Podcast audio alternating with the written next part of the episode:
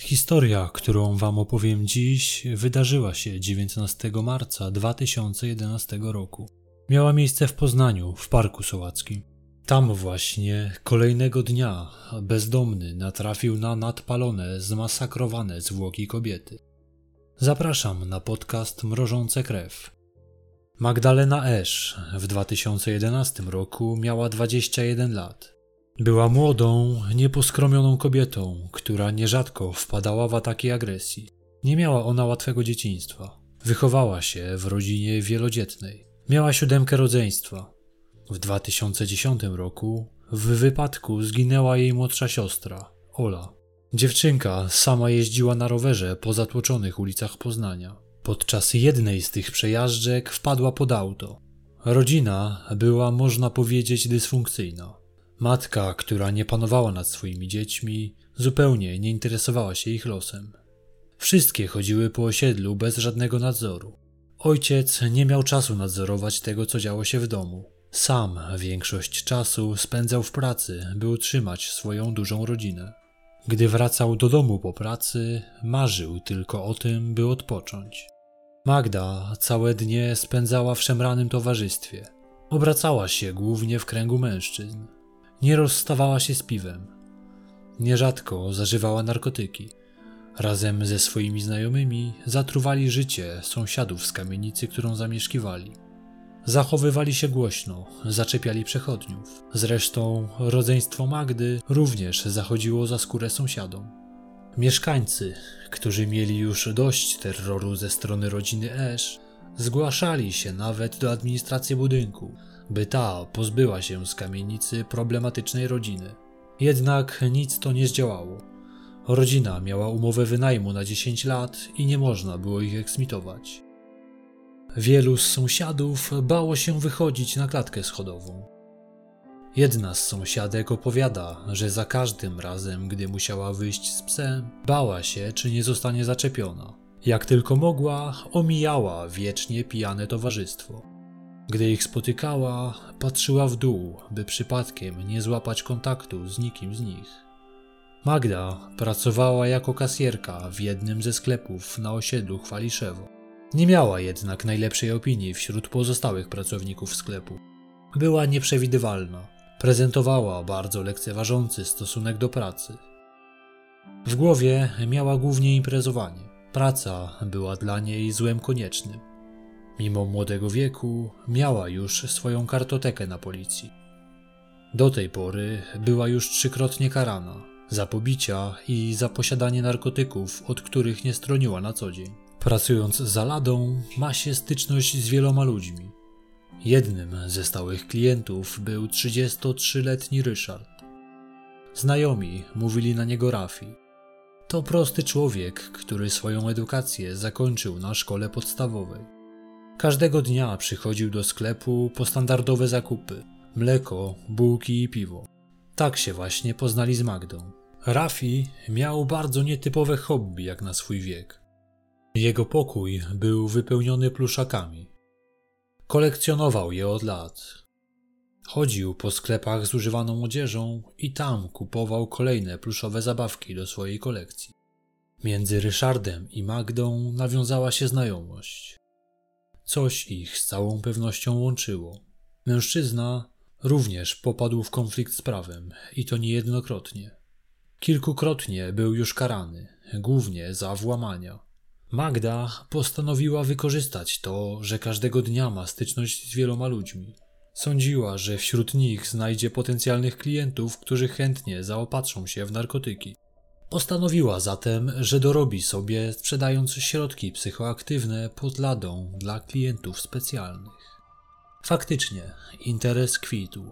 Jednak szybko o poczynaniach swojej podwładnej dowiedział się jej szef. Nie mógł sobie pozwolić na tego typu działalność. Zwolnił kobietę ze skutkiem natychmiastowym. Jednak to były jedyne konsekwencje, jakie poniosła Magdalena w związku ze sprzedażą narkotyków w sklepie. Szef nie doniósł na nią na policję. Najprawdopodobniej bał się, że tego typu zgłoszenie przysporzy mu więcej problemów niż to warte. A sama Magda niespecjalnie przejęła się tym, że nie ma pracy. I tak nie lubiła tam przychodzić. Teraz będzie miała więcej czasu dla siebie. Jedno jednak z pracy wyniosła znajomość z Ryszardem, która nadal rozkwitała. Po wyrzuceniu ze sklepu miała nawet możliwość, by szybciej pogłębić te relacje. Zaczęli się spotykać każdego dnia. Młoda kobieta przychodziła do 12 lat starszego mężczyzny i razem spędzali czas. Kupowali zapas piwa, zamykali się w pokoju i głośno słuchali muzyki disco polo. Czy zażywali też narkotyki? Bardzo prawdopodobne. Wszakże Magda bardzo lubiła to robić.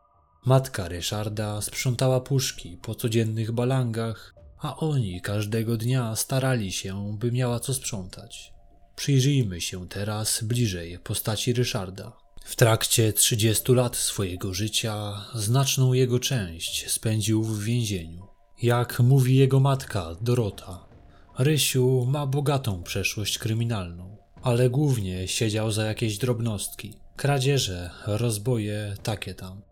Ostatni jego pobyt za kratami to 5 lat. Po tej odsiadce, zdaniem matki, stał się spokojniejszy.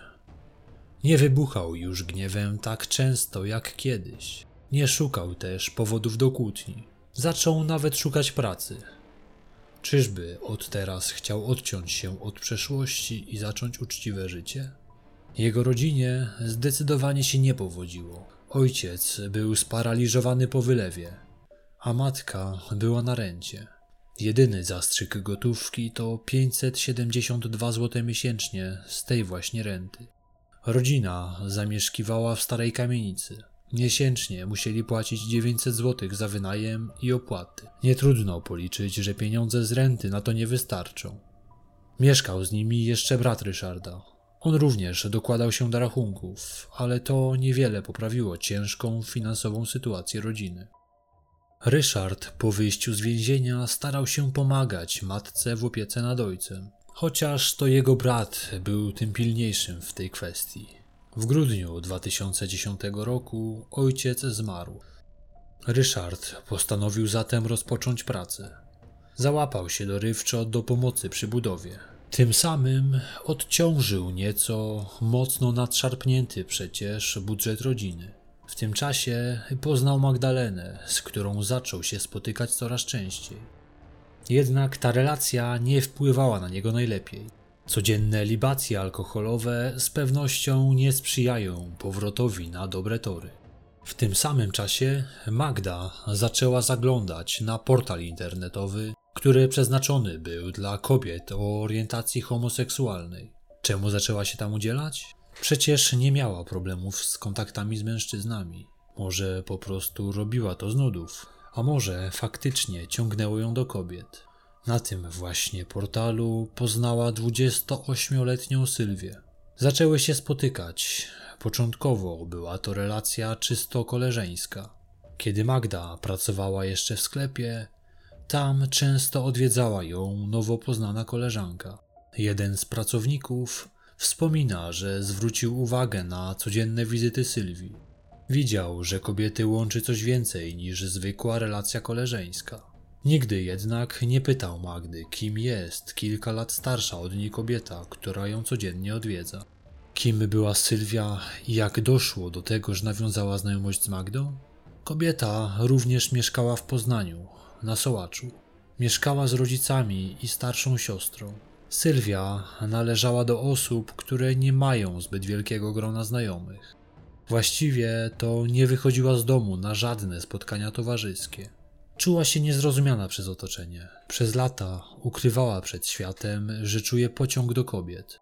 Wstydziła się przyznać nawet swojej własnej rodzinie. Jak się okazało, obawy te były zupełnie zrozumiałe. Gdy już uzewnętrzniła się przed najbliższymi, oni nie mogli się z tym pogodzić. Rodzice nie chcieli zaakceptować tego, że ich córka może być lesbijką.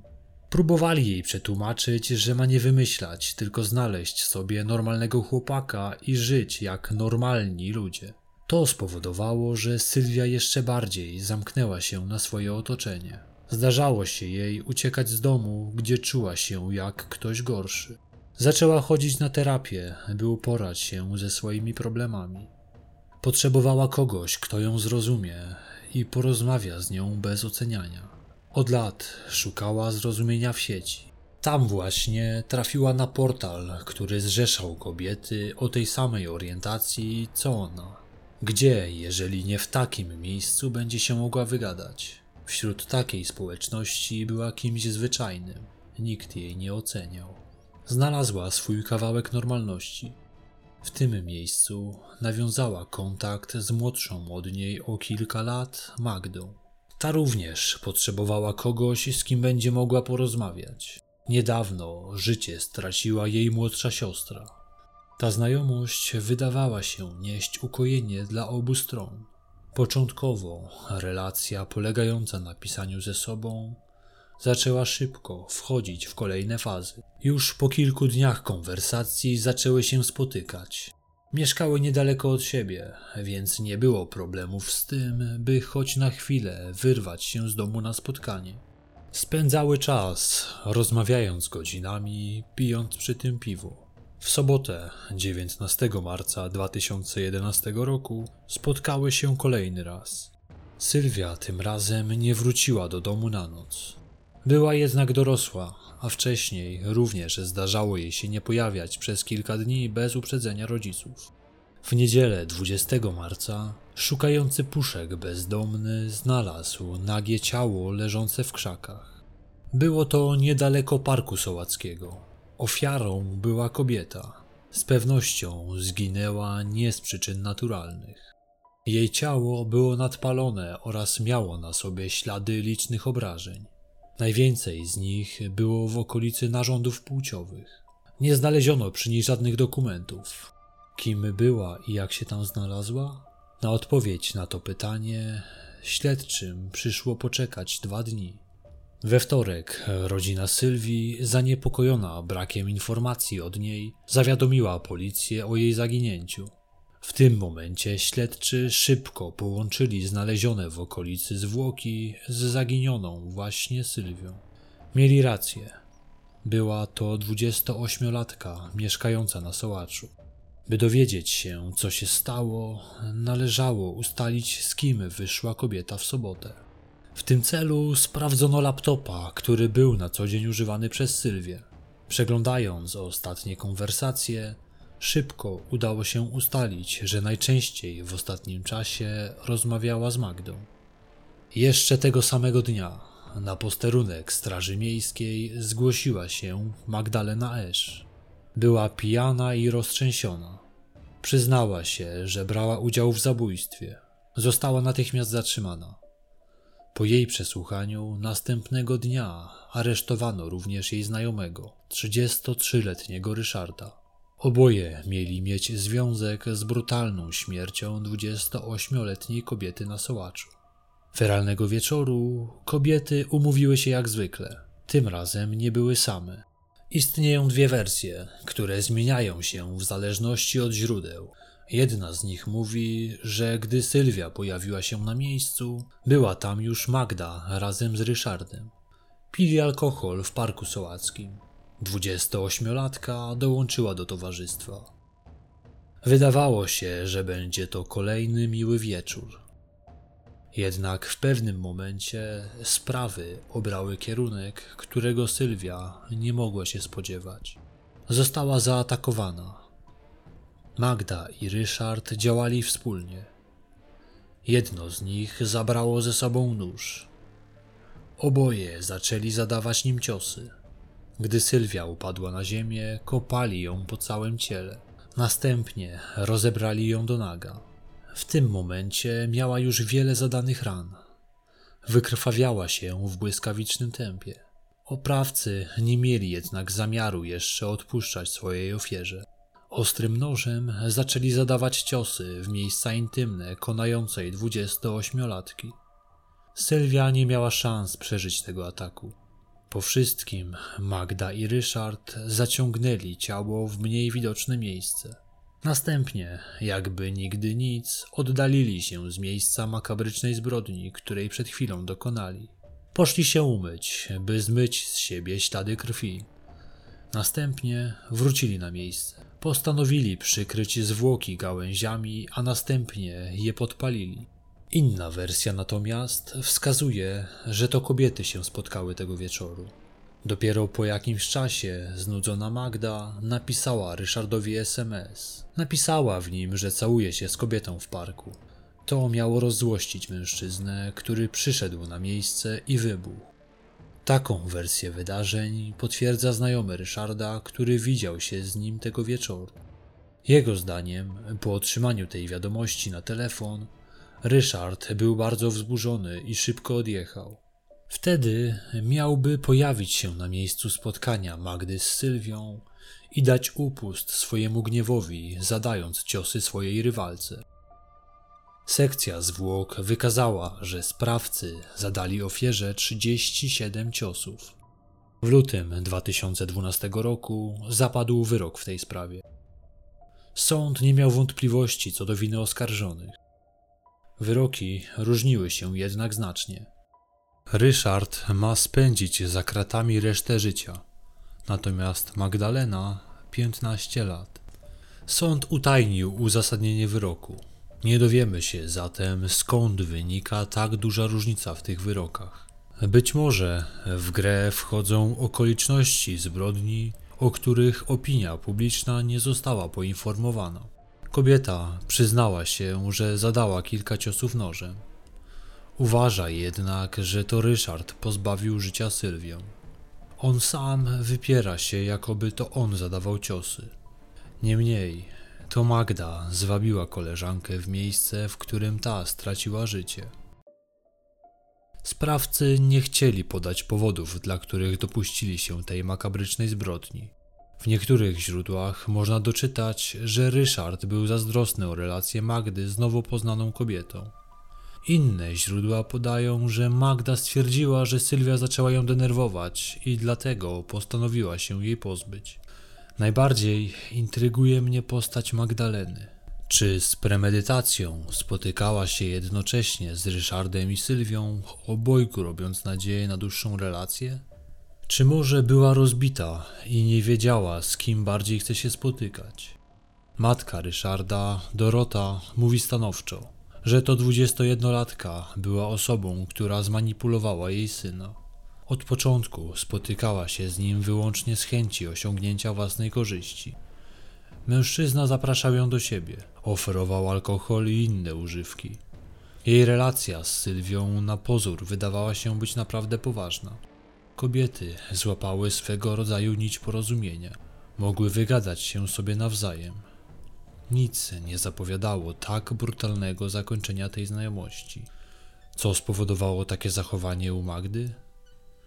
Czy od początku wszystko było udawane, a ich spotkania były grą zimnej psychopatki? Czy może jednak wpływ miały inne czynniki? Możliwe, że to narkotyki połączone z alkoholem obudziły w niej instynkty, które nigdy nie powinny zostać obudzone. Pamiętać należy jednak, że to nie był jednorazowy wybryk, a sama Magda nierzadko wpadała w ataki furii. Tym razem osiągnęły one apogeum, a ofiarą została Sylwia, która tak bardzo potrzebowała kogoś, kto ją zrozumie. Matka Ryszarda broni syna. Mimo iż wie, czego się dopuścił, nadal go kocha. Uważa, że to wszystko wina młodszej koleżanki, która nim zawładnęła. Dorota zapiera się jednak, że nie będzie odwiedzać syna w więzieniu. Początkowo sprawa nabrała rozgłosu, który zdecydowanie nie był jej potrzebny.